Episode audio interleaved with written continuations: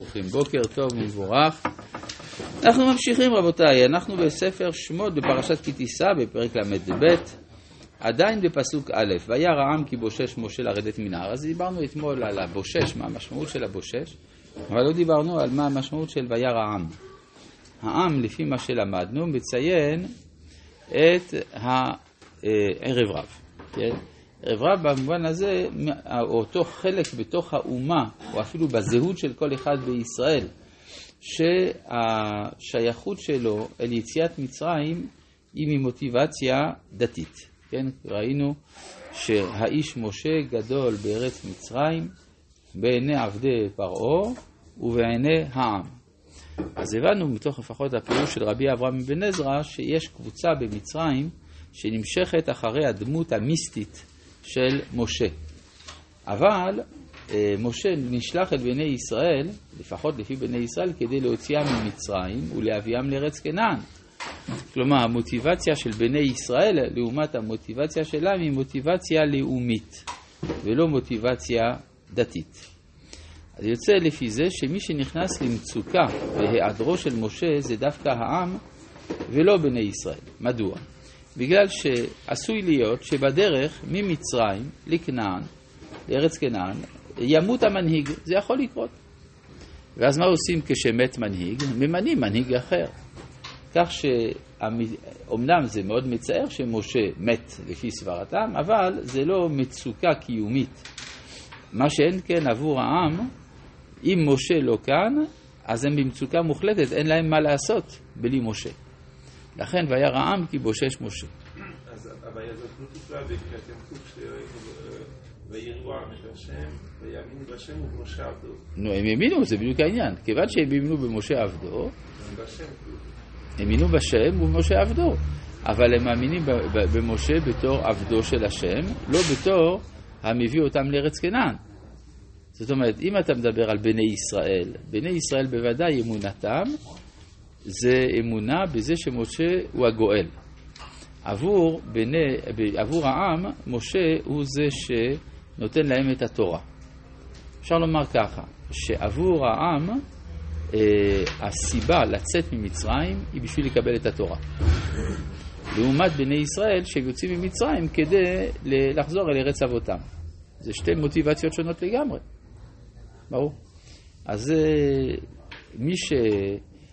כל הקשר שלו ליציאת מצרים, המוכנות שלו לצאת אל המדבר, זה בגלל הדמות של משה. אם משה נעלם, אז זה מצוקה נוראה, אפשר להבין אותם. עכשיו... אה,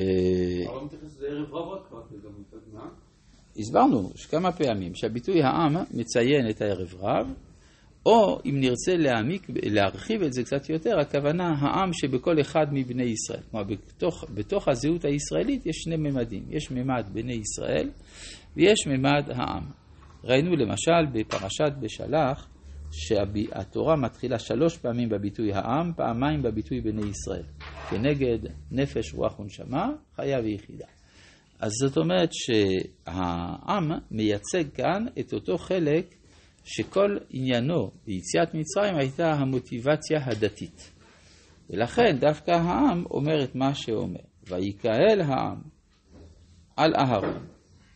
אהרון בתור הנביא, כן? כלומר האישיות הרוחנית שנמצאת איתם, ויאמרו אליו, קום, עשה לנו אלוהים אשר ילכו לפנינו, כי זה משה האיש אשר העלנו מארץ מצרים לא ידענו מה היה לו. טוב, כאן צריך באמת, המפרשים ירבו כאן להעמיק, כי יש באמת כמה דברים תמוהים. קודם כל, מה פירוש הדבר קום מעשה לנו אלוהים? הרי אם משה לא פה, אז צריך להחליף אותו במשה אחר. אז למה צריך לעשות אלוהים? כן, כלומר, זה לא מובן. הרי אלא אם כן לומר, מה? אפשר להגיד, כי משה מסמל את האלוהים. או נגיד אפילו יותר מזה, שהם העלילו את משה. כלומר, יש קבוצה בעם שהחשיבה את משה לאלוהים. וזה, מניטו אמר לי, מדוע התורה סיפרה את זה? כדי שנדע מראש שיש נטייה אצל חלק מן האומה הישראלית לקחת אדם מישראל ולהעליל אותו. כלומר זה בעצם... הכוכבים אומרים האלילי קורא, איך אומרים? כן, אבל גם הנוצרים. הנוצרים לקחו איזה יהודי והפכו אותו לאלוה. כן? עשו אותו לאלוה. אז גם פה, ויקום עשה לנו אלוהים. אם משה לא פה, אז אתה צריך לעשות לנו אלוהים חלופי. עכשיו, אה, גם צריך להבין מה ה... מה שמה... הרי, או אפשר להגיד, אשר ילכו לפנינו. הרי מה הולך לפניהם? אנחנו יודעים מפרשת בעלותך, שמה שהולך לפני העם זה ארון ברית השם. משה אמור להביא את הלוחות, אבל הוא לא הביא. אז מה נעשה בלי הלוחות? קום עשה לנו אלוהים אשר ילכו לפנינו. צריך משהו שהוא במקום הלוחות. דבר נוסף כאן צריך להבין אה, מה, מה זה, מה המחשבה הזאת שאפשר לעשות פסל או תמונה או משהו כזה. הרי נאמר להם במפורש, והם שמעו את זה, בעשרת הדיברות הם שמעו.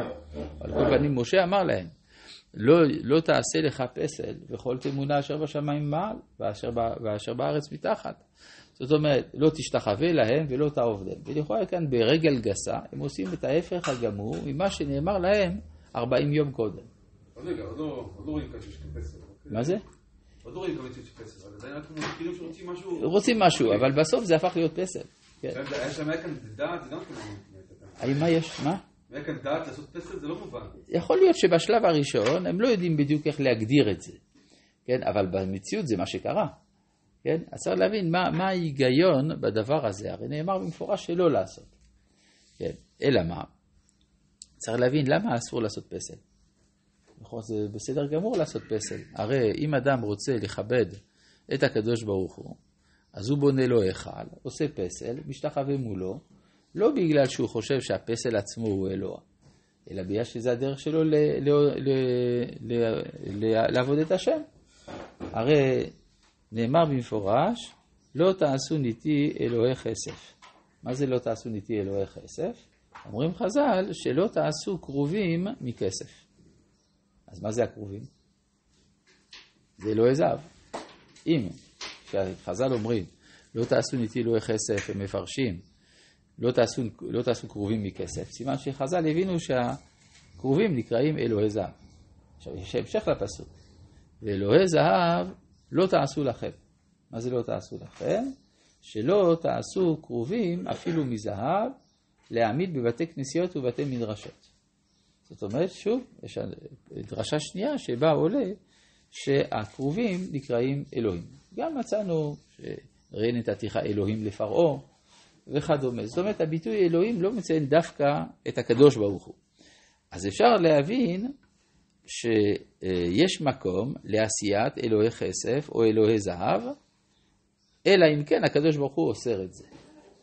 עכשיו, נשאלת השאלה, למה הקדוש ברוך הוא אוסר את זה? הוא אוסר את זה מאז מעמד הר סיני. לפני כן, זה היה בסדר גמור.